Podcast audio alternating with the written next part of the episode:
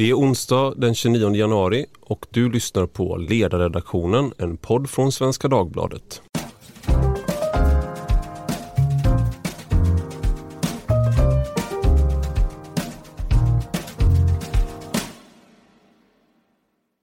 Jag heter Ivar Arpi och idag ska vi prata om rättegången mot Ann-Sofie Hermansson i Göteborg som avslutades igår. Som tidigare ordförande i kommunstyrelsen stödde hon att kommunen stoppade ett arrangemang i samband med visningen av filmen Burkasångs 2.0. Hon menade att Fatima Dubakil och Maimuna Abdullahi, båda aktivister från Muslimska mänskliga rättighetskommittén, var för extrema för att utan mothugg få lägga ut texten om filmen. Att dalta med extremister är bland det farligaste man kan göra, var formuleringen Hermansson använde på sin blogg. Dubakil och Abdullahi valde då att stämma Hermansson för förtal med hatbrottsmotiv. Polisen och åklagaren lade ner, lade ner ärendet men det fortsätter som enskilt åtal. Och med mig idag för att prata om detta har jag Johan Lundberg, litteraturvetare och författare. Välkommen! Tack! Och Eli Gönder, författare och islamolog knuten till tankesmedjan Timbro. Ni var ju båda på plats vid rättegången. Eh, vad, vad gjorde ni Alltså varför var ni kallade att vara där? Vi var kallade som sakkunniga helt enkelt för att kommentera det här blogginlägget och eh, vilken relevans som de här på, uttalandena hade. Det vill säga att de är de här två personerna, eh, Maimona och Fatima, ifall de kan beskrivas som extrema extremister eller, och, och, och, att de har försvarat terrorister och avfärdat terrorinsatser mot IS-krigare. Det var väl så det var formulerat.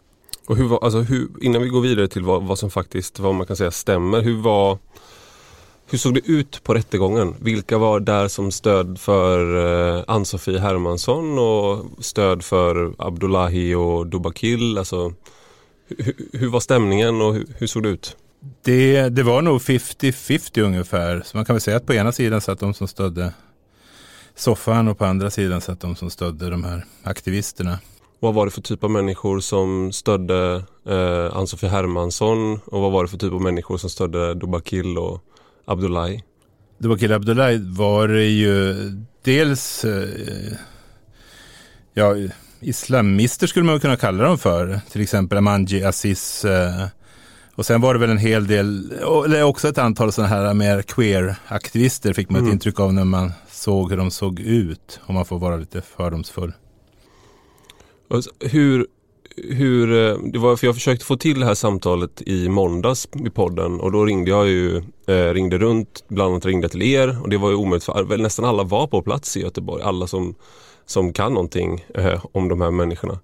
Eh, så det verkar ha varit ganska mangrann uppslutning bakom Ann-Sofie Hermansson om man kollar på liksom eh, islamolog eller folk som är experter på terrorism, eh, experter på de här nätverken som Magnus Andelin, Magnus Ranstorp, ja, ni två, eh, Sofie Lövenmark och ett antal andra. Eh, fanns det någon så att säga eh, forskare eller expert på islam eller liknande som var ställde upp på eh, Dubakil och Abdullahis sida. Nej, eh, och det var ju, alltså det var ju, vi var lite förvånade med tanke på att de några dagar tidigare hade, eh, hade publicerats en text till deras försvar eh, på bloggen är det väl Feministiskt perspektiv, det är väl en blogg var egentligen en hemsida. Och på den hade 40 personer skrivit undan. Det skrivit under. Eh, Ylva Habel, eh, bland annat Mattias Gardell eh, och så. Och jag förutsatte väl nästan att någon av dem skulle dyka upp som de hade möjlighet att kalla in sakkunniga de också. Men, men det gjorde man alltså inte. Det var ju i och för sig han där, Adrian från Antirasistiska akademin var ju i publiken i alla fall. Men i övrigt var det ju inte ens i publiken några sådana, så att säga, forskare ja, inom de där områdena. Amerika, vet ja, men hon är ju inte någon Vera Savala. Eh, Nej men hon är en offentlig person och hon är mm. aktiv mm. i de här miljöerna och hon, eh, om du frågar rent generellt liksom vad det fanns för stöd så, så, så är väl hon en av frontfigurerna i, i den här omgivningen som ändå var där, var närvarande. Eh, jag tänkte, hur ser det ut med anklagelsen om extremism? Du, du har ju skrivit en bok, Johan, Ljusets fiender, som handlar, som kom 2013 och sen Mm. en uppdaterad version eh, 2017. Nej, förra året. Förra året, Mm. 2019. Eh, och där bland, du bland annat skriver om eh, de här personerna Mm. och det nätverket som de ingår i.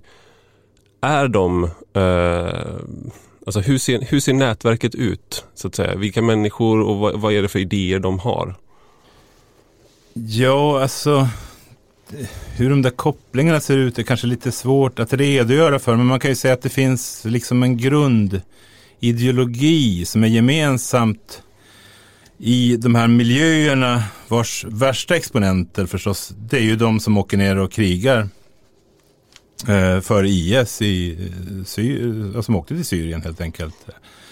Och en stor del av dem, när det gäller just Göteborg, kom ju från den här organisationen Sveriges förenade muslimer. Och, och eh, där var ju Maimona Abdullahi eh, var ju, hade ju uppdrag för dem till exempel. Och den ideologi som de sprider skiljer sig ju på vissa punkter inte nämnvärt från den typen av eh, politiserad islamism som Fatima Dobakil eh, propagerar för. Och det handlar ju mycket om att måla upp bilden av ett pågående krig egentligen mellan västvärlden och den muslimska världen. Och när det gäller västvärldens insatser i det här kriget så, så, handla, så, så, så fäster man ju väldigt stor vikt vid islamofobin. Att det västerländska samhället är genomsyrat av islamofobi. Och det, det, man eh, jämför ju eh, terrorlagar med raslagar till exempel i det man har skrivit. Och, och, och det här gör man ju för att just på det sättet legitimera kamp mot västvärlden och eh, väpnad jihad. Och då tänker jag, bland annat så Det, skriver... det är ju inte dem, det är ju inte Fatima Dobakil Nej. till exempel. Men, men, men själva beskrivningen av västvärlden som helt in, infiltrerad av islamofobi är ju någonting som präglar Sveriges förenade muslimer och den retorik de använder för att rekrytera. Och det var där, om jag har förstått saken rätt, som Mikael Skråmo som sen Ja. reste till Syrien, han var med i Sveriges förenade muslimer. Exakt, han är väl den mest kända företrädaren, Ja. men, men många andra också resenärer.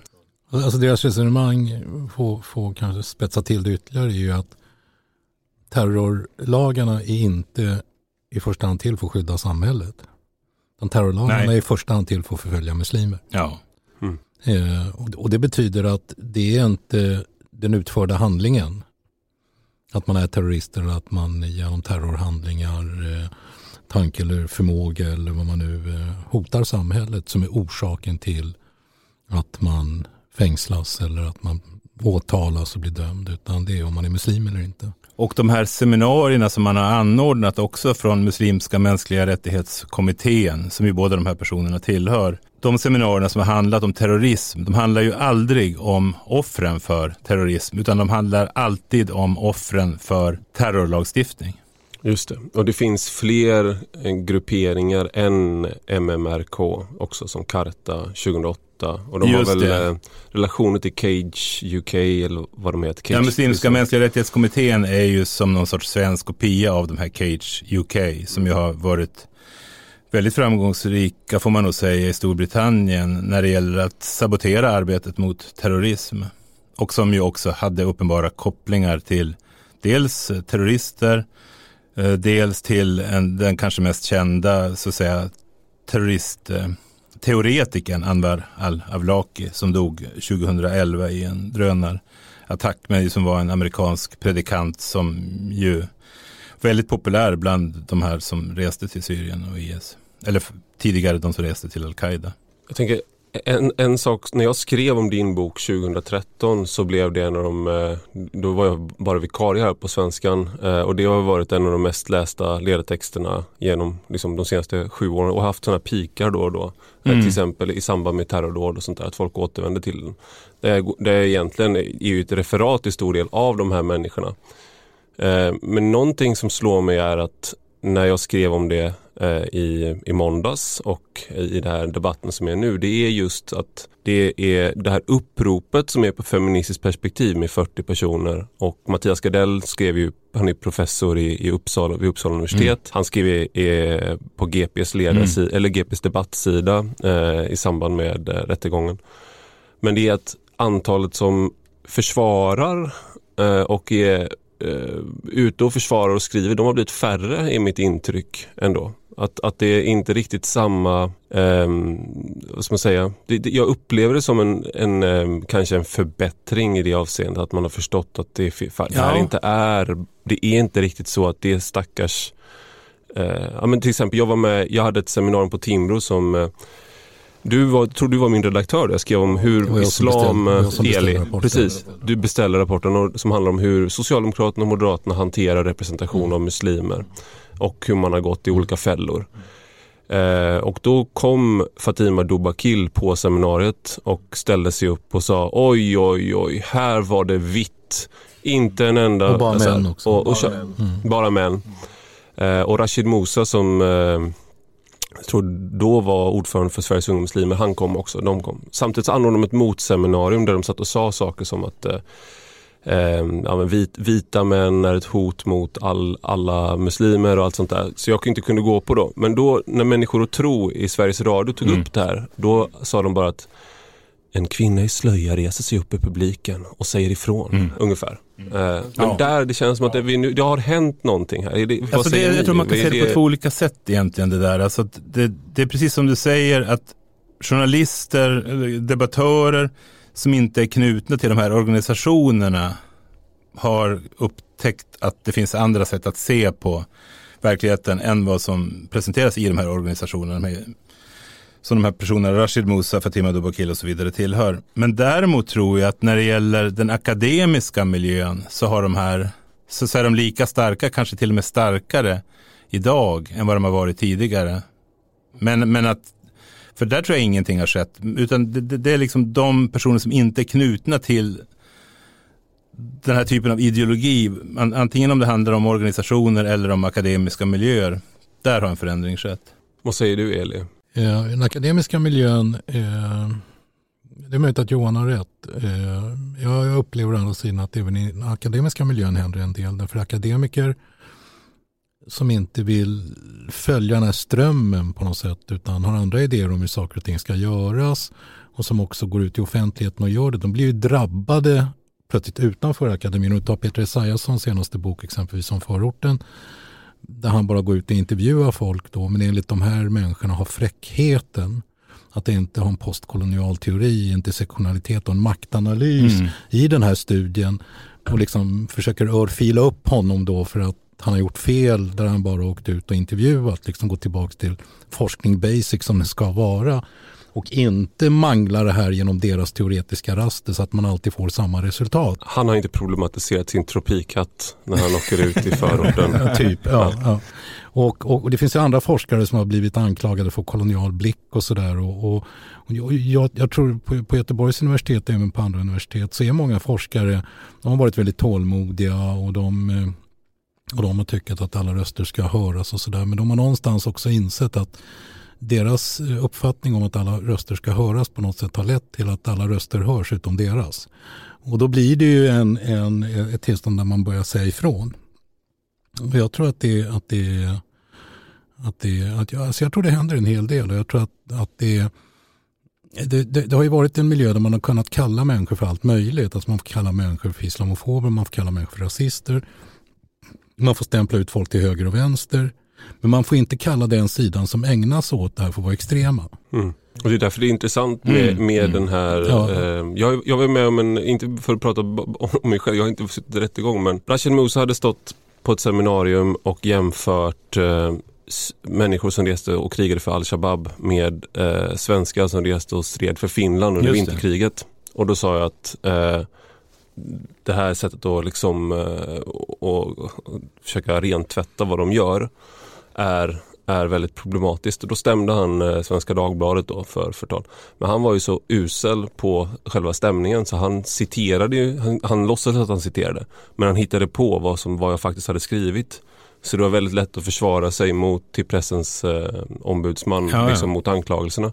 Men så den här, den här metoden av att försöka stämma och försöka skrämma med hjälp av det här är ju inte någonting eh, någonting nytt så. Men, men, men nej, men, men, men det, det, har väl, det har ju aldrig lett ända fram så att säga nej. tidigare som det har gjort nu. Det, det har, det har, man har ju hotat med det väldigt ofta och nu får man ju se vad konsekvenserna av det är det som gör det här rätt obehagligt ändå. Att man börjar ha liksom egentligen en, en form av politiska rättegångar i Sverige. Alltså. Man står mm. anklagade för vissa åsikter som man har och som man har uttryckt.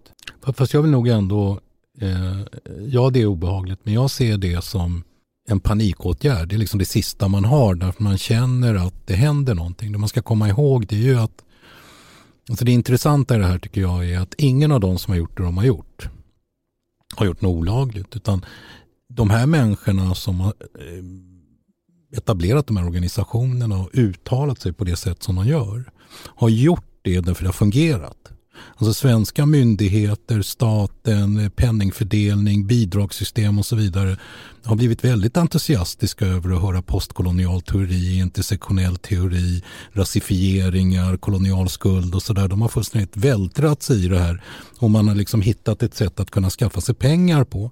Eh, hade, hade, hade den finansiella förutsättningen sett annorlunda ut om man hade sagt att ni får gärna pengar men era pengar ska vara inkluderande. Alltså ni, ni måste ha en organisation där alla är med, där man pratar om andra saker, där man men vi har haft en idé där hela det här systemet, om man tittar tillbaka på Sveriges historia och sådär, har varit så, så, så glada över att man har hittat liksom, det är som vi ibland tar upp i den rapporten du skrev då, att man har hittat en muslim som kan representera, trots att det i sig är helt omöjligt att representera en etnisk eller religiös grupp.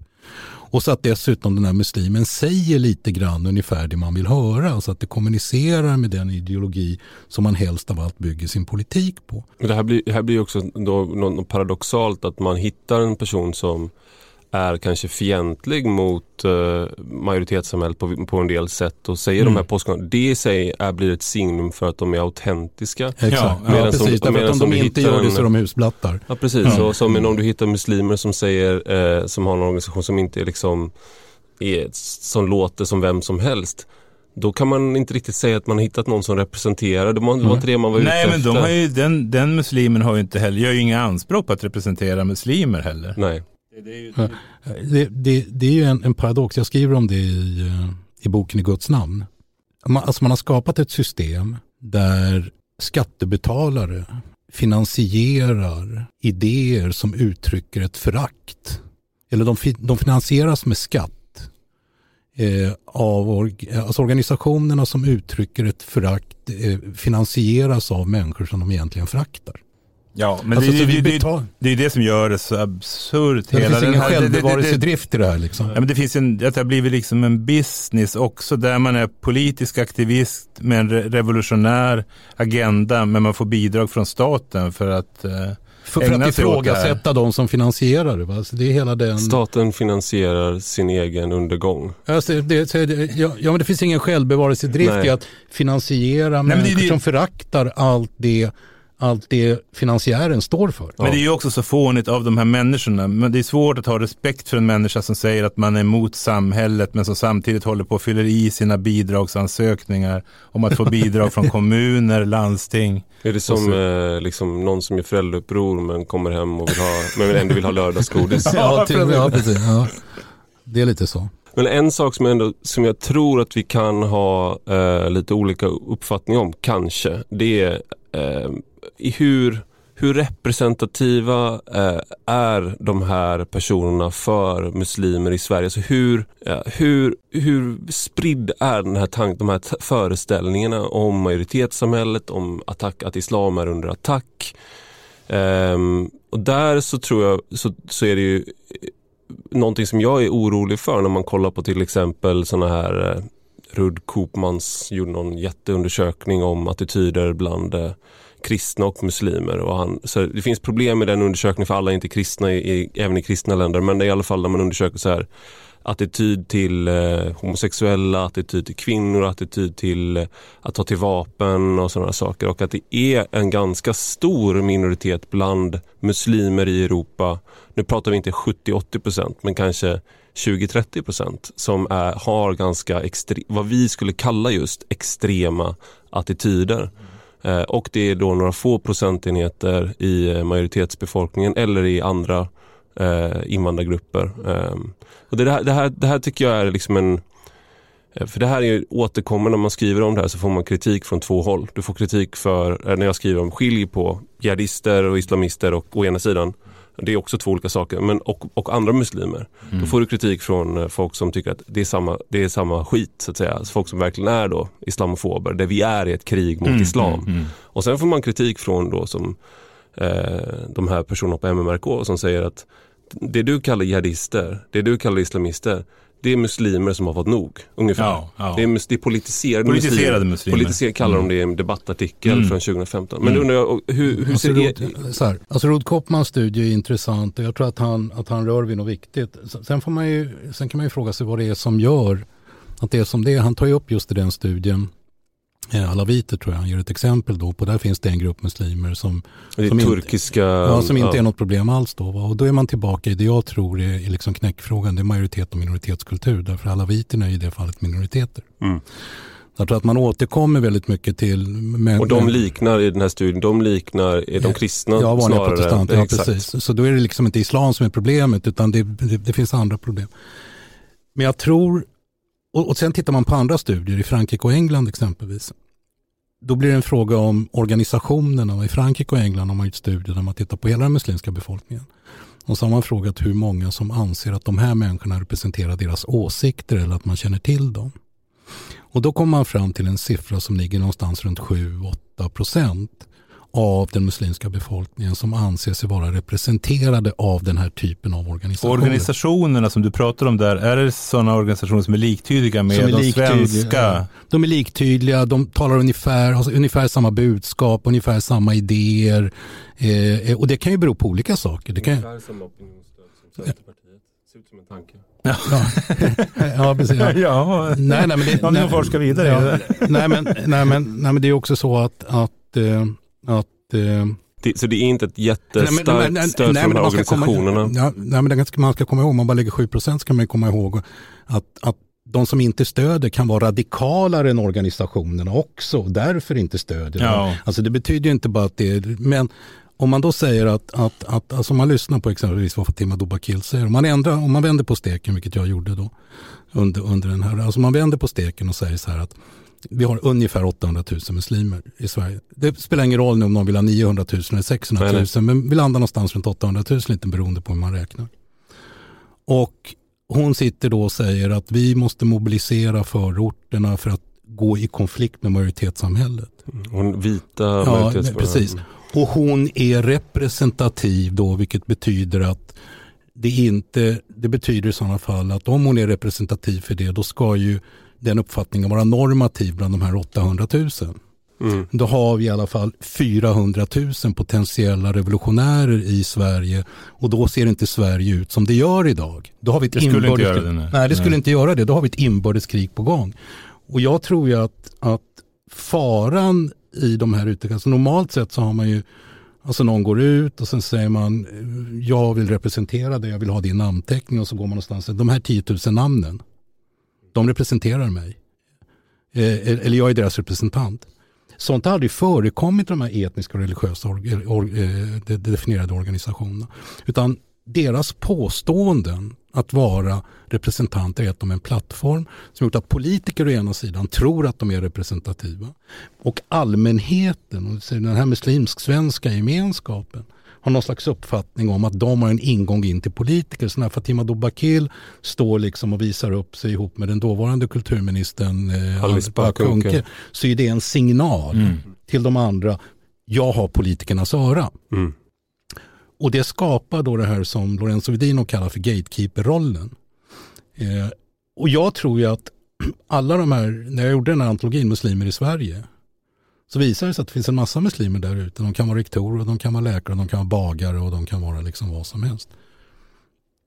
De uppfattas ju ha samma åsikt som representanterna eftersom de påstådda representanterna, det är för det är bara representanterna som hörs. Mm.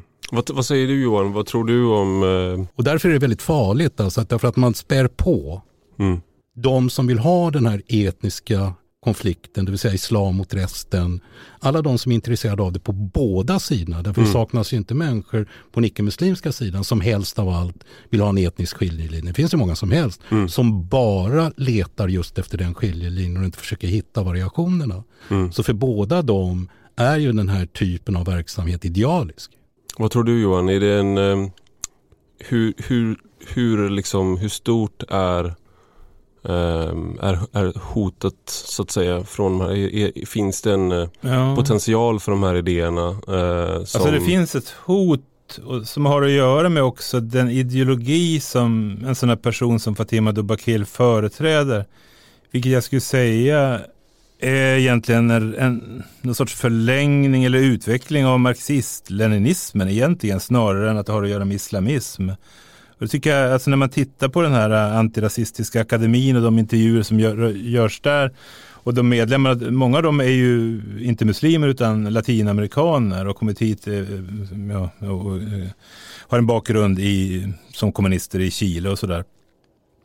Och eh, deras ideologi, det, det, som man kan destillera fram när man tittar på de där intervjuerna, det är ju att, att, att man vill liksom har ett hopp om en mobilisering i förorten.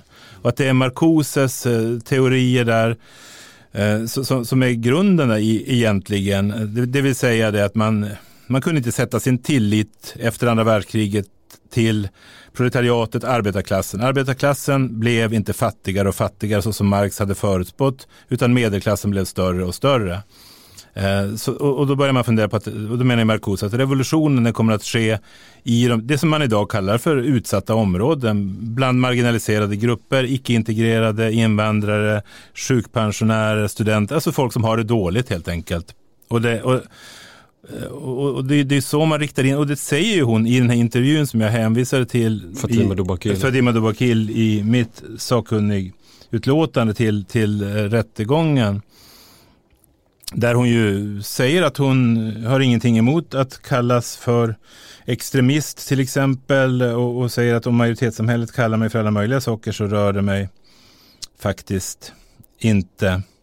Utan tvärtom så tycker hon att det blir ett, ett tecken på att hon faktiskt gör någonting bra. Ja, exakt. Det, och, och, och, det, det, säger hon också, det hon vill ha till stånd, det är en mobilisering i okay. de här utsatta områdena för att skapa en polarisering i samhället och som hon säger då en konfrontation mellan majoritetssamhället mellan det vita majoritetssamhället och människor som inte är vita i Sverige. Så, så vad man vill skapa är kaos egentligen. En, en, revolution, en, en, miljö ur vilken det kan springa en revolution. Det är så jag tror man, man hoppas på. Och där finns det ju liksom problematiska aspekter i form av till exempel eh, folk som är dömda till, till, till långa fängelsestraff som radikal, radikaliseras i fängelser. Och de har ju sett när det har gällt terrordåd i Europa också att det, det har varit sådana människor som har radikaliserats i fängelse och har väldigt lite på att förlora på att gå ut och, och, och spränga lite bomber. På det så en av, de som dömd, en av de fyra som dömdes 2010 för eh, ett planerat attentat mot Jyllandsposten har ju kommit ut och ja. studerar mm. nu till, vad det civilekonom tror jag han studerar. Eh, han var radik väldigt radikal och våldsam i fängelset under en period men sen så lugnade han ner sig mot slutet tror jag de kom fram till. Ja. Men han har bytt namn nu och är ute och studerar så alla ni som studerar till civilekonom kanske har någon härlig kurskamrat men det är ingen fara för han har redan avtjänat sitt fängelsestraff. Men det är, men det är ju, eh, jag vet inte hur roligt det där sista var därför att om man faktiskt lever som man gör så kan man ju lämna honom i fred. Jag tycker, om, om, om, har man avtjänat sitt straff i Sverige så har man avtjänat sitt straff. Då är man inte skyldig längre. Det, vad ska man säga? Det finns ja. eh, brott eh, som där man faktiskt avtjänar sitt straff och då efter det så ska man ha sonat sitt. När, däremot om du planerar attack och du har en hel ideologi i ryggen eh, då så är det nog jättebra om det finns några fler än, jag tror det var Aftonbladet som skrev om det finns några fler än Aftonbladet som håller lite koll på den här killen. Så kan man Men säga. hela, hela, rättegången, För lång igår, tid hela rättegången igår summerades av soffans ombud om att vi jagar inte människor för deras åsikter, vi jagar dem för deras handlingar. Det är det civiliserade samhällets liksom grundval. Därför annars är vi tillbaka i både inkvisitionen, husförhören och Stasi. Men bortsett från det. Men jag, är, jag måste få lägga i till det. Jag, tror, jag, tror att, ja. nej, men jag tror att absolut när det gäller, när det gäller rättsstaten mm. så straffar vi förhandlingar. Ja. Vi andra däremot, om jag har till exempel en dömd pedofil som granne och får reda på det, mm. då kan inte jag tänka oj, han har sonat sitt straff jag släpper gärna ut mina barn. Liksom. Det är något annat. Nej, det är det inte. För att då har Därför du, du uppmanar nej, nej, nej. genom den här podden människor att hålla ögonen på någon som har sonat sitt straff. Ja, och det tycker jag vore jättebra. Ja, okay. Ja, men eh, men eh, det, när det gäller ideologi så är det någonting annat. När du, Okej. är, när du tror på någonting, Mm. Då, har du en då finns det eh, konsekvent ett hot om nya handlingar. Till exempel passionsbrott, när det gäller vissa typer av mord och sånt där. Det är ju för brott till brott. Sen att rättsstaten inte kan straffa någonting för, människor för saker som de inte har gjort. Det betyder inte att vi andra människor ska stänga ögonen. Problemet med både det resonemanget och hela deras resonemang, det, det var lite det vi pratade om tidigare. Vi har en situation idag mm, Mm, när det gäller den här, vi pratade om kalifat sist, om, om serien.